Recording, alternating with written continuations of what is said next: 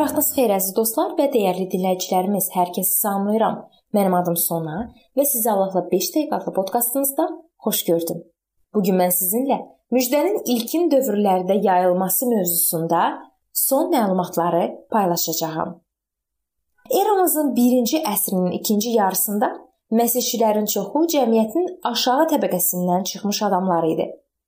Bəzi Romalılar məsihçiliyi qadınların, qulların və onlar düşündükləri kimi cəmiyyətin digər tör-töküntüsünün dini hesab edib gülüş obyektinə çevirmişdilər.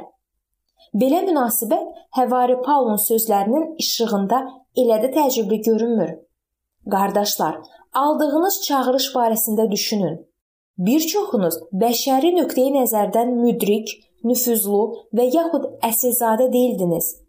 Allah isə müdrikləri utandırmaq üçün dünyanın ağılsız saydığı, güclüləri utandırmaq üçün dünyanın zəif saydığı, dünyanın dəyərli sayılanlarını heç etmək üçün dünyanın xor baxdığı, əsilsiz və dəyərsiz sayılan kəsləri də seçdi ki, Allahın qarşısında heç bir insan öyünməsin. Bu 1-ci Korinflərə 1-ci fəsil 26-29-cu ayələrdə yazılıb. Müjdəyə ilk növbədə o insanlar can atır ki, öz ehtiyacını dərk edir. Cəmiyyətin aşağı təbəqəsi bir mənalı olaraq ehtiyacı olan insanlar sırasında idilər.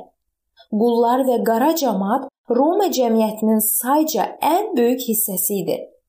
Roma filosofu Ses yazırdı ki, məsihçilər yalnız axmaqları və qara cəmaatı, dərk etmək bacarığı olmayan insanları, qulları, qadınları və uşaqları inandıra bilərdilər. Məsihçiliyin xarakterini açmağa davam edən filosof işçilər, yun darayanlar, dəricilər, camaşırçılar və dünyanın ən ədəbsiz adamları haqqında yazırdı. İmanlar başqalarına qarşı əməldə təzahür edən sevgiləri ilə tanınırdılar.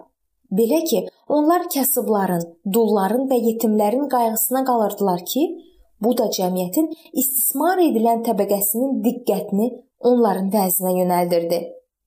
Bununla belə bir çox hallarda cəmiyyətin yüksək təbəqəsinin nümayəndələri də məsihçiliyi qəbul edirdilər.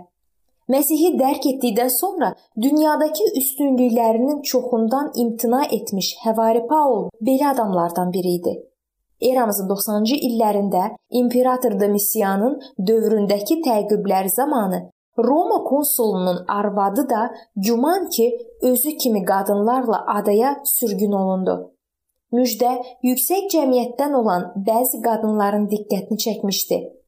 Var dövlətə və çoxlu sayda xidmətçilərə sahib olsalar da, qəm-qüssəyə batır və həyatdan məyus olurdular. 100-cü ildə artıq məsihçilər Roma imperiyasının bütün ərazilərində yeni icmalar qurmağa başlamışdılar. Bu icmaların çoxu hələ rüşeym halında, icma üzvlərinin sayı isə məhdud idi. Amma onlar mövcud olmaqla yanaşı inkişaf edirdilər. Bu inkişaf ona görə baş verirdi ki, imanlar Rəbbə itayət edirdilər və hara gedirdilərsə, özləri ilə müjdəni aparırdılar.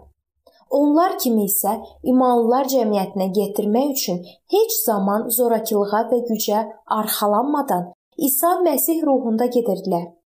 Lakin bu o demək deyil ki, 1-ci əsrdə müjdənin yayılması qansız, qadasız baş verirdi. İnancıların çoxunun bədənində təqiblərin izi var idi. Bir çoxları isə imanlarına görə canlarından keçdilər. Amma İsa Məsihin dünyanın ağasının müjdəsi Roma imperiyasına sülhlə daxil olurdu və imanlılardan heç biri başqalarının qanını axıtmadı və kiməsə qarşı güc tətbiq etmədi.